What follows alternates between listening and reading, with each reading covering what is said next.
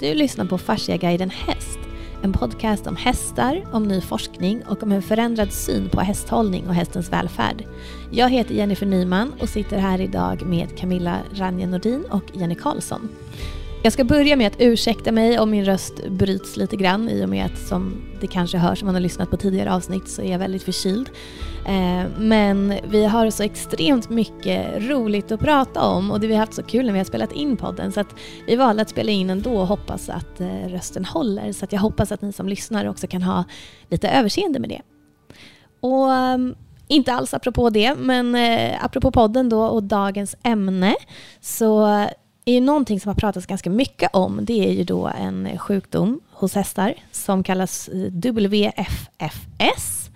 Och sen så någonting som också i vår systerpodd Fasciaguiden har pratats mycket om är en sjukdom som heter EDS. Och båda de här handlar ju bland annat om överrörlighet. Och när vi har pratat lite om det här och Camilla, du har berättat mycket om det här, så har vi, i alla fall jag också gjort en del kopplingar och sett att så här, kan man se ett samband? Kan det här på något sätt vara någonting liknande hos häst och människa? Och det är väl kanske det som är frågan som inleder till dagens ämne, där vi ska prata lite om just VFFS. VFFS, som numera heter FFS. Ja, du ser. Varför då? v WFFS står för eh, Warm Blood Fragile Foal Syndrome.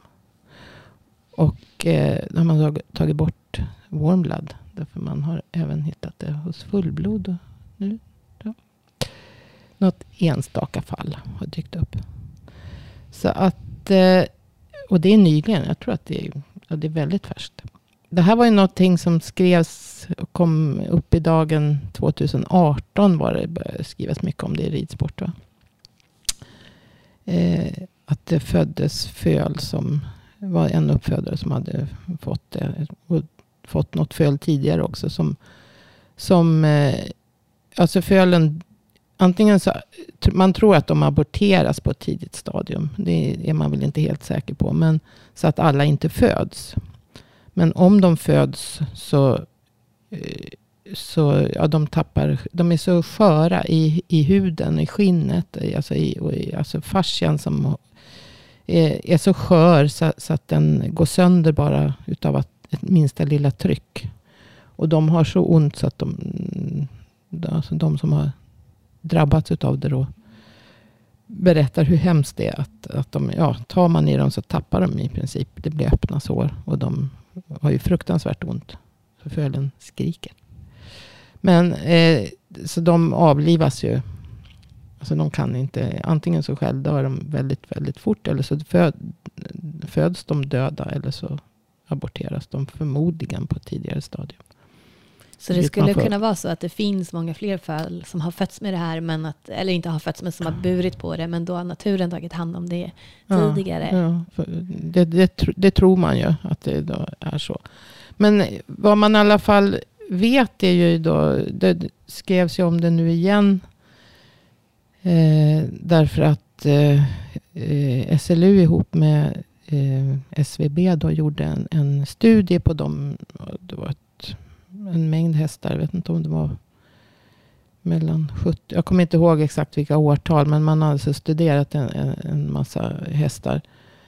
Eh, och eh, nu hade inte jag den artikeln här. Så jag kan inte dubbelkolla hur många det var. Men det var en, en stor studie. Där man gick igenom och tittade. Eh, på hur vanlig den här genen är i, i vår SVB-population. Då. Och därför man vill ju inte, det är ju fruktansvärt att få en fölunge som man måste avliva. Eller som, och som dessutom har så ont. Eh, så det, det, är nog ingen kul syn. Eh, men däremot så eh, och det här är ju då när de får, den här, för den här genen är alltså vad man säger, kallar det för autosomalt recessiv. Autosomal betyder att det inte är könsbundet. Det finns i kroppskromosomerna så att säga. De somatiska kromosomerna. Eh, inte i X eller Y-kromosomen alltså. Och eh, eh, att det är recessivt innebär att den, den bäraren bryter, eh, drabbas inte. Utan det, det är alltså en recessiv, en, en vikande gen som inte kommer till uttryck om, eh, när den är ensam så att säga i genparet. Så det krävs att båda föräldrarna bär på det? Det krävs att, både, att båda föräldrarna bär på den för att få ett sjukt föl. Så att, och en, en bärare utav genen, vad man vet, har inga, inga problem. Eh, sen nu varför man börjar prata om det. Det är ju alltså en, en liknande variant. Jag vet inte om man ska säga någon slags släktskap mellan EDS och det här då. Därför att EDS finns ju också typ 13, 14 olika varianter utav EDS. Varav man har hittat genen. Det är samma sak där. De, många utav dem, de, de, 13 utav dem har man hittat en gen som, som ger problem. Och det kan vara massor med olika typer av problem i fascian. Alltså med olika typer utav kollagen. Beroende på vad det är för typ av EDS. Och då pratar vi människor? Nu pratar vi människa. Mm. Så EDS är, är på människa, eller Danlos syndrom. Och då, eh, om man säger att det är 13 olika varianter som man, som man har hittat en gen för. Och någon variant eh, drabbar kanske kollagen 5 och någon variant drabbar andra typer av kollagen. Och, och, så att det är olika gener på de olika varianterna. Eh, och sen så finns det en 14, eller en variant då som heter HEDS, vilket är en, eh, en vanligare variant. Där man inte har hittat genen. Men att man tror ju fortfarande att det är någon liknande nedärvning. Men det verkar också vara väldigt miljöpåverkat.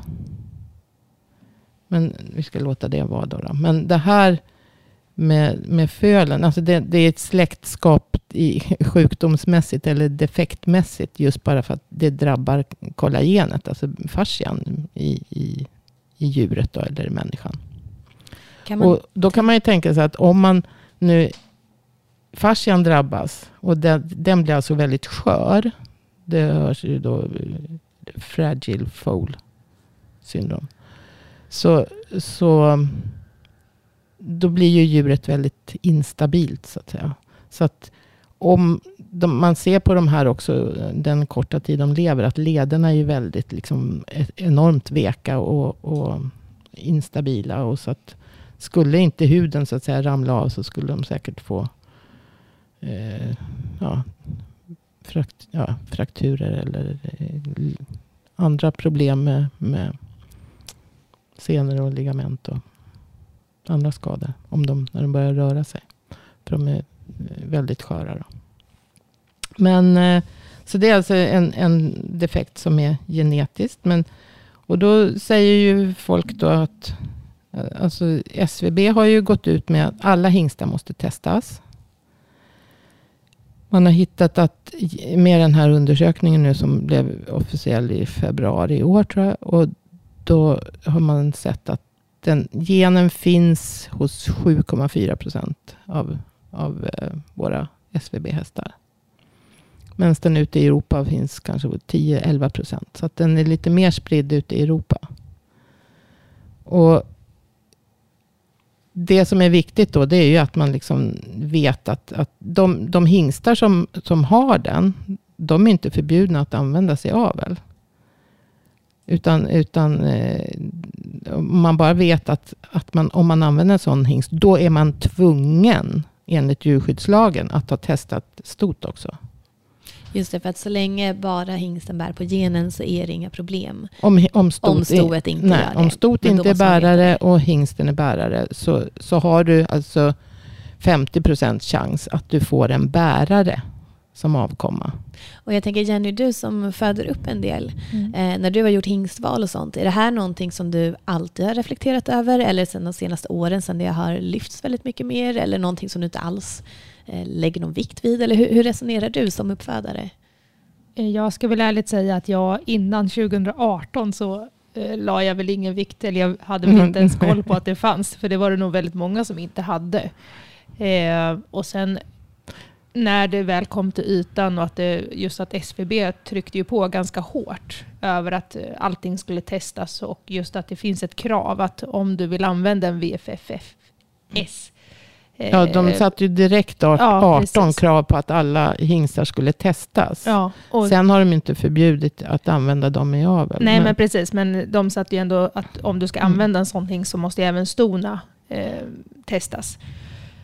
Så jag testade ju faktiskt alla mina ston ganska omgående. Eh, det gick ju ganska fort att få fram sådana tester.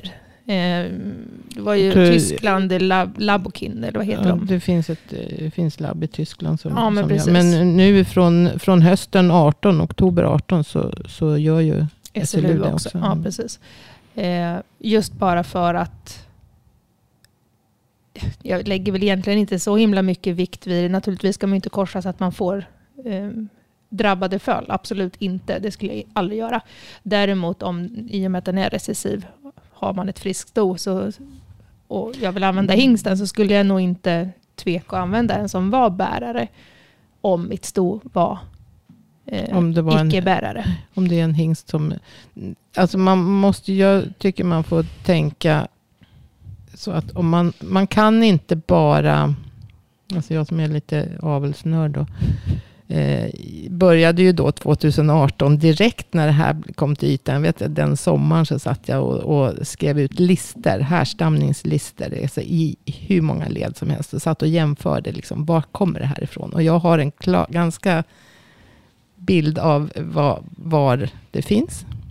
Jag tänker inte säga några namn nu. När du säger var menar du vilken Ja, ursprungs... vi, ja, vilka, vilka linjer och Ja. vilka, vilka hingstar som, där det eh, kommer ifrån. Mm. Men jag men men, men eh, det, det, de som har det och som är testade och har det, de, de finns ju officiellt. Alltså så, i, så det står ju på bluppen. Alltså Mm. vilka som har och vilka som inte har. Och det står vilka som inte är testade. Men det är ju bara de som inte lever som, in, som inte är testade. Så att säga. Alla andra som används i avel, eh, de ska ju vara testade. Alltså de får ju inte användas annars. Nej, precis. De får ju inte licens annars. Och du måste testa inför bruksprovet till exempel nu. Ja, numera så tar de ju VFFS... VFF... Eller FFS. Du får glömma dubbel-V nu. Ja, jag får glömma det. Det blir inte lika tungvrickad. Mm. Men numera så gör man ju det samtidigt som man ansöker om pass. Så Ja, kan du kissa i och då gör man. de ju det på håret de tar. Ja, ja. Redan det, där, Det, att- det är ju liksom en, en enkel Ja. eh, Så att dna nu är det ju väldigt enkelt. Ehm, jo, jag tänkte också så att om man nu ska avla och sälja så tänkte i alla fall jag det att om nu det här är ett bekymmer, för då visste man ju inte när de satte in alla de här eh, kraven så visste man ju faktiskt inte hur utbrett det var. Och ska man då sälja då, en vallack spelar ju inte så stor roll, men om man då ska sälja ett sto eller en hingst eller någonting så kanske man drar sig lite för att köpa om man inte vet om den är fri eller inte. Så tänkte jag i alla fall. Så jag testade mina ganska fort. Mina var ju fria så att det var ju ett icke-problem för mig. Men en, eh, en annan fråga här då, just eh, apropå eh, vad det mer innebär, så har man ju väldigt ofta sett att de som är bärare av den här genen också är överrörliga. Hästarna. De är oftast väldigt framgångsrika och den senaste studien som publicerades så var det ju att det var väldigt bra för dressyrhästarna för deras rörelse i just bedömning och så. Att Mm. eh, det var någonting positivt. Och då tänker jag direkt på överrörlighet. För det är ju någonting som man ser på dagens dressyrhingstar. Att de, de rör sig nästan onaturligt för att de är så extremt överrörliga. Vilket eh, vi ju premierar. Och sen så tänkte jag då återigen på överrörlighet hos människor. Vilket oftast kommer ifrån den här sjukdomen EDS. Och där funderar jag då... Det finns andra former av överrörlighet också. Ja men precis. Men EDS är ju ett väldigt vanligt symptom att man är överrörlig. Och eftersom att det är den här kopplingen i kollagenproblematiken Mm. eh, då, att det kan finnas någon koppling. Så nu bara spånar jag fritt och tänker högt. Men då tänker jag också att de som, människor som har EDS, så 98% av alla kanske, lider ju också av smärta. Samtidigt som de är väldigt överrörliga så har de ju också ont fysiskt. Ehm, tror vi att det kan finnas någon sån koppling även hos hästarna som man inte märker? Eller är det bara överrörlighet och det är positivt? Eller hur? Nu spånar vi Alltså, ju. jag, Men ja, hur? jag vet inte. Alltså, jag tror ju inte att om, om de hästarna som... Nu är det, om man tittar på de här 40 topplistorna dressyr och hoppning så är det tre stycken hopphingstar och tre stycken dressyrhingstar som är bärare. Och, sen finns det då ett antal som inte är testade, där man inte vet. För att de är för gamla då? Ja, de är sådana som är döda.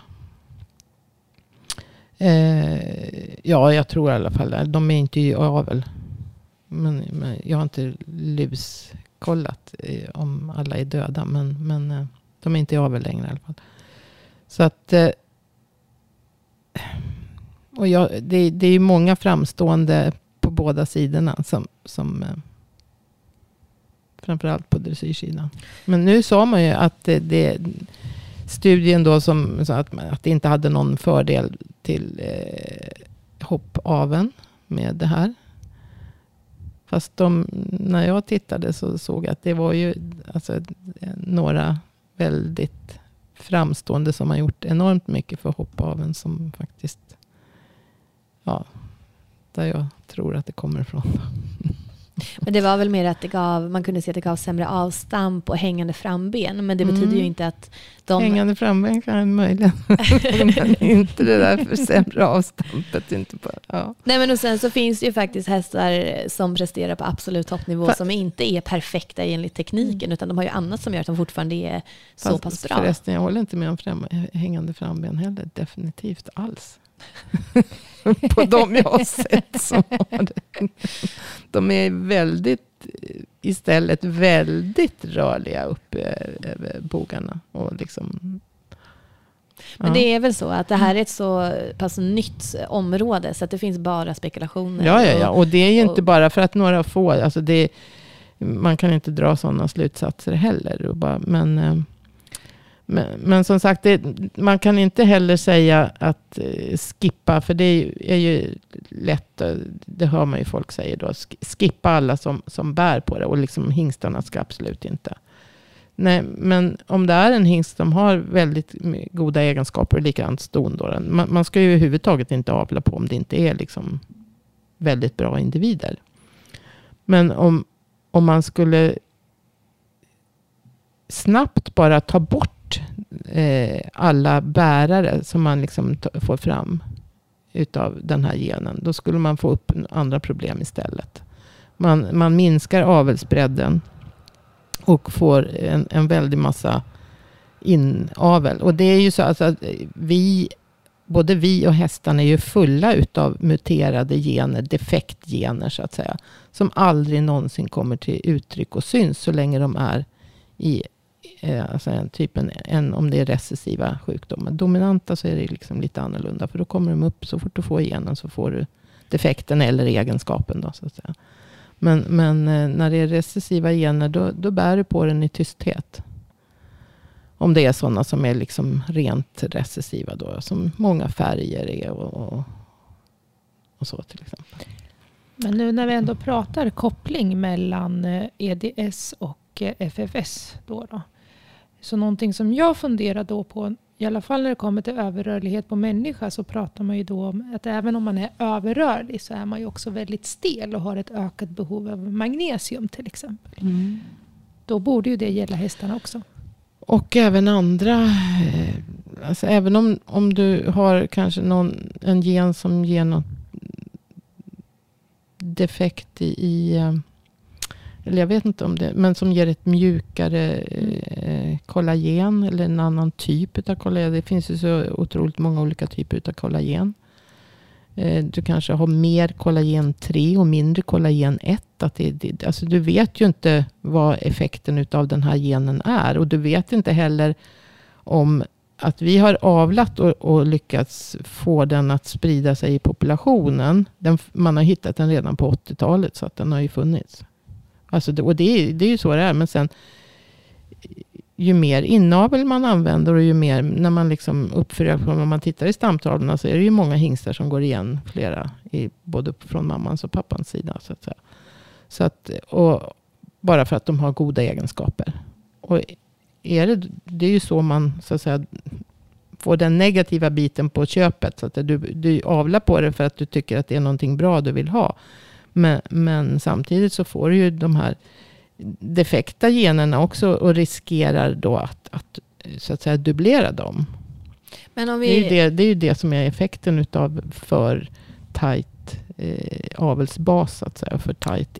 Som i, alltså resulterar Svarade blir du på min fråga nu? inavel. det, det, det var Det lite vet- det jag vet- skulle det komma jag. till. Jag Ja, kände att det där flöt ut lite ja grann. men precis, apropå magnesium Camilla. Ja, ja, men, ja, men, ja, men jag, vad jag skulle säga egentligen var ju att det var inte bara magnesium, utan jag tänkte på MSM och, och, och sen tänkte jag även kollagen, fast eh, ja, även om man nu har en defekt i kollagenbildningen, det var så det började, så kom det ut. Men, men så kanske man då kan eh, stärka med, med att man är säker på att hä- hästen verkligen får de aminosyror som behövs för att bygga det här kollagenet. Och då Och pratar olika- vi olika- magnesium, MSM. Am, specifika aminosyror då. Mm. Och då kanske man kan ge kollagen, fast det är ju ganska dyrt att ge sådana tillskott. Men, men eh, framförallt se till att man har de aminosyror som, som brister. Så att hästen får en, en, eh, en väl balanserad foderstat med mycket rejält med lysin, metionin, sådana. Som vi pratar överrörlighet och eh, kroppen kommer in lite på det här just med fascian. Eh, kan vi utan att grotta ner oss för mycket på djupet bara så här förklara vad är det som är skillnaden mot eh, jag vill inte säga en normalrörlig häst eller människa, men eh, vad, är, vad gör den här effekten? Vad är det som händer i fascian? Och varför behöver man då till exempel mer MSM, magnesium och sånt?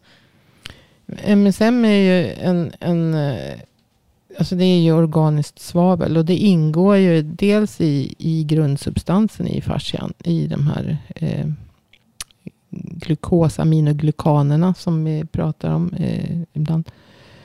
Eh, ja, glukosaminoglykaner är ju ett antal, 6-7 stycken olika, som de flesta innehåller svavel, fast inte hyaluronsyra då, som är en specifik. Den innehåller inte svavel. Men de, de behöver svavel. Så att för att grundsubstansen i fascian ska fungera så behövs det svavel. För att eh, eh, även flera av aminosyror, aminosyrorna som bygger upp kollagen är också svavelbärande. Eh, Så man behöver hjälpa kroppen man- att bygga fascia för att man har problem med... Eller det bygga... vet jag inte om man behöver, men, men alltså det kan vara kanske då Mm. eh, ge något, någon effekt. In, inte om, alltså du, nu pratar vi ju om de som man ser är överrörliga. Du vet ju inte om, om de, det finns ju de som är väldigt överrörliga som inte bär på den här genen också kan jag säga. Så hur ska man tänka som hästägare då? Om man har en väldigt eh, rörlig häst, det ses ju oftast som något positivt. Bör man vara uppmärksam på några tecken och att då ska man kanske börja fundera på tillskott? Eller bör man eh, vara... Alltså, hur ska man tänka? Eller vara väldigt noga med att, att för, för är man överrörlig och, och jag tror ju inte som du frågade förut med om, om, om att hästarna skulle ha ont. För jag tror inte att, ja det kanske den har om den inte blir proffsigt behandlad kanske. Att den får lättare för ont därför att den drar lättare på sig spänningar. Skador också då? Och skador kanske. Men, men alltså om man, om man eh, om den är instabil i fascian så måste musklerna arbeta mer för att stabilisera. Så då får musklerna ta en massa arbete så att säga. Som fascian annars skulle ha gjort lite mer passivt om man säger så. Som inte hade krävt så mycket aktivt arbete. Och det tröttar ju ut musklerna och det ger spänningar. Det var lite Och- det jag tänkte flika in med. Att man har, Ja. man har nog en benägenhet att få Jo, men precis. alltså ökad skadebenägenhet skadebenägenhet för att man är så, Så- ostabil i Och, och fascian. då om man nu drar på sig en massa spänningar och, och, och på grund av att man är lite instabil då. Så det är klart att då får man ju ont. Men jag tror ju inte att de här hästarna, om man tittar på, på dem nu som, som så att säga hingstarna nu som har det här. Eh, bär, eller bär på genen ska jag säga, och inte har det här. Men, eh, och som då kanske är väldigt, väldigt rörliga. Eh, jag tror inte att de har ont. Då skulle de inte prestera på det, den nivån som de har gjort. Utan då, men om, så om man lyckas hantera det. Men de kanske kräver lite mer omsorg. Det är än en precis van- än en vanlig- Så, så för att svara på frågan, Ja. så ja, i grunden så ska man nog vara extra noggrann och se till att hästen har en välbalanserad foderstat. Så att den, Ja. man är säker på att den får det den behöver. Och sen, att tror man inte jag att det man, sen tror inte jag att det skadar att man faktiskt eh, stödjer upp lite förebyggande med Mm. alltså, MSM och magnesium. Nej. Det är... Klart och tydligt. Behöver man också träningsmässigt tänka annorlunda? Absolut, det tror jag. I och med att de är överrörliga och är känsligare för översträckning eller överarbete. Och det tror jag absolut. Man behöver nog vara lite försiktigare i uppvärmning och Ja, uppbyggnad. precis. och, att, att, man så att man tänker noga på uppvärmning. Alltså det ska man ju alltid göra. Men att man verkligen... De här är ju, om man nu ska säga då, säkert skörare. Mm.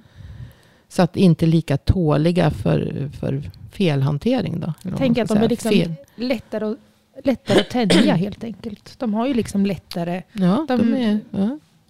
Så att det är Du sträckningar. får ju, du får ju kanske det som man, man då har, har, eh, eller ja, man har ju prioriterat. Och tycker att den här svikten och, och elasticiteten så att säga. Men det kanske har då gått. Ja, jag ber om ursäkt, det är jag som håller på att riva min mick här. Jag ska bara rätta till den lite. Ingen fara. Men, men en f- eh, fråga på det då, för då tänker jag så här, jag själv är ju överrörlig och jag kan ju vricka foten bara av att jag går. För att Mm. plötsligt så bara viker sig min, hela min fot. Mm. Så att om man till exempel har en häst som då ofta drar på sig småskador eller att den ofta vrickar sig eller bara är- ser lite oren ut någon dag och sånt. Den kanske är mer eh, känslig för att gå på ojämna marker. Ja. Man vet, vet inte. Nej, men jag Men- tänker, kan det, vara ett teck- det skulle kunna vara ett tecken då på att hästen kanske är överrörlig. Om den ofta vrickar sig eller trampar lite snett och sånt. Likväl som att den... Man pratar ju ofta om så här hästar som är bara väldigt snubbliga. Ja, precis. Mm. Utan Fast det- anledning som man inte vet. Alltså jag tror det är svårt, för samtidigt om, det, om man nu ska jämföra det med EDS och överrörlighet på människor, så samtidigt som de är överrörliga och lättare att tänja så är de ju också stelare. Mm. Så det kanske är svårt att se via rörelse och grejer att de faktiskt är överrörliga. Och jag tror också att om man ser på människor att man, man kopplar det här till en sämre, sämre proprioception. Alltså Mm. att du har, eh, nervsystemet inte får riktigt samma signaler vart du befinner dig så att säga. Och du kanske lättare, men det har ju också med spänningarna att göra. Alltså för att om du har en, en spänd muskulatur och, så, och det sitter alltså muskelspolarna som sitter i Mm. muskelfibrerna så att säga, som känner av eller sitter mellan i muskelfibrerna i fascian.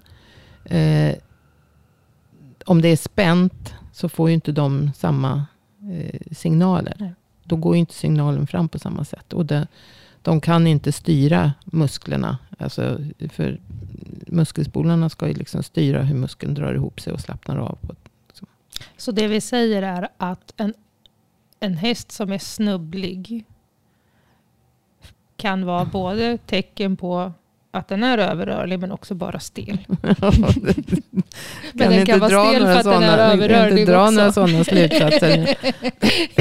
Men absolut. Men, men eh, nej, men det, jag vet inte hur vi hamnade i det här. Men eh, det vart, eh, men som sagt, man, man kan i vilket fall inte bara säga att ta bort alla individer med. För att då, då får, kommer man få andra problem istället. Och det finns, det finns så mycket olika. eh, Och, och dessutom kommer vi få ett sämre avelsframsteg. Så att säga, om man nu ska Alltså, prata. var inte rädd att avla FFS-hästar, men se till att det bara finns på en sida.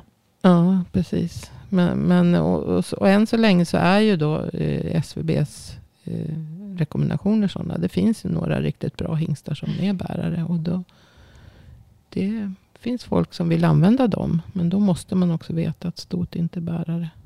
Och Ja, och det tror jag de kontrollerar också, om du, de som har. Eh, Ja, ja, men alltså det är enligt Mm. djurskyddslagen Ja. så är du tvungen. Därför att i djurskyddslagen står att du får inte bedriva avel som alltså eh, kan riskera Mm. eh, att ge lidande för hästen ja, precis. eller djuret. Eh, så så att det, det, Sen finns det ju, jag tänkte på, det finns en annan liknande eh, defekt eller sjukdom som, som, ja defekt kan man väl säga, som eh, eh är vanlig, eller vanlig vet jag inte. Jag vet inte alls, jag har ingen eh, alls hur vanlig den är på, men som drabbar quarterhästar.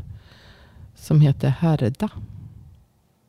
Och det är också besläktad typ, alltså som drabbar kollagenet på något sätt. Nu är jag inte jätteinsatt i den. Jag vet att det är en, också en sån här recessiv defekt, som eh, res, recessivt nedärvt, som man kan testa för.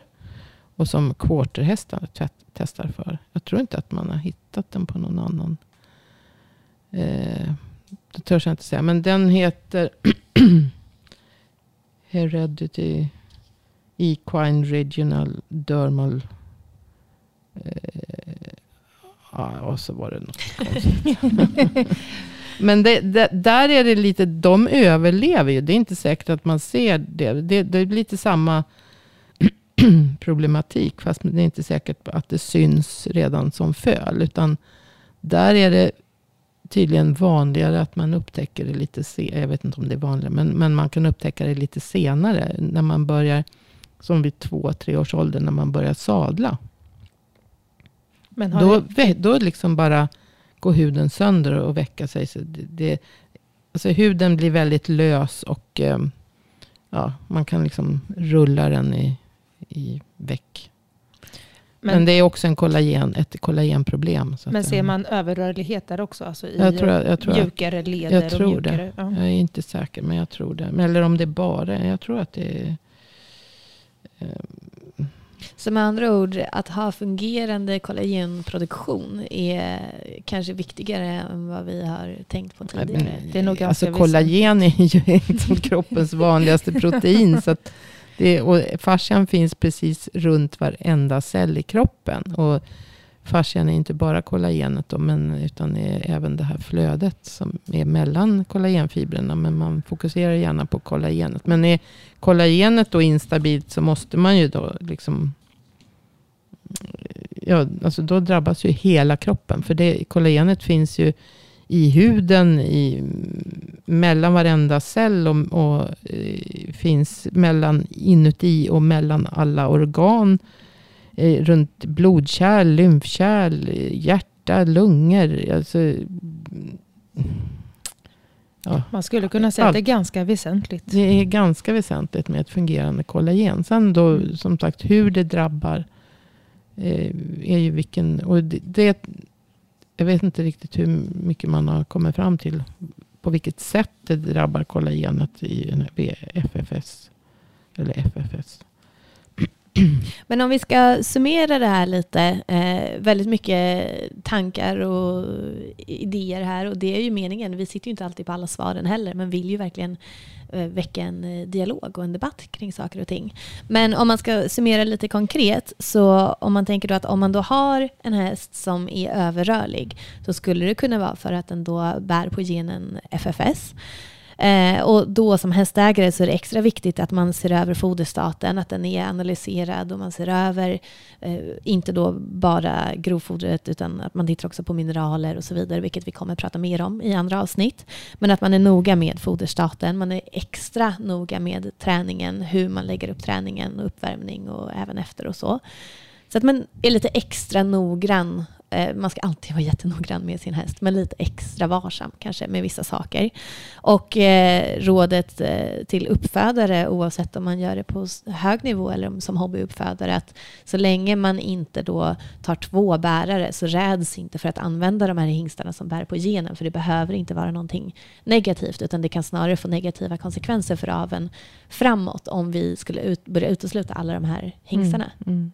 Och det är det folk inte tänker på. Alltså vi, det är inte så att det bara är den här defektgenen man måste ta hänsyn till. Utan det finns massor med defektgener som alla individer bär på. Och börjar man då liksom strypa ner en egenskap och fokusera för mycket på det. Då, då får man andra problem som kanske inte istället då går att testa för. För det ska man vara glad för. Att det här finns ett gentest. Och då har man det väldigt enkelt så att säga. Så man vet att man aldrig behöver para två bärare. Men det finns ju recessiva gener som inte går att testa för. Som man inte har något gentest för än. Så att säga. Och dyker det upp sådana, då får man ju större problem.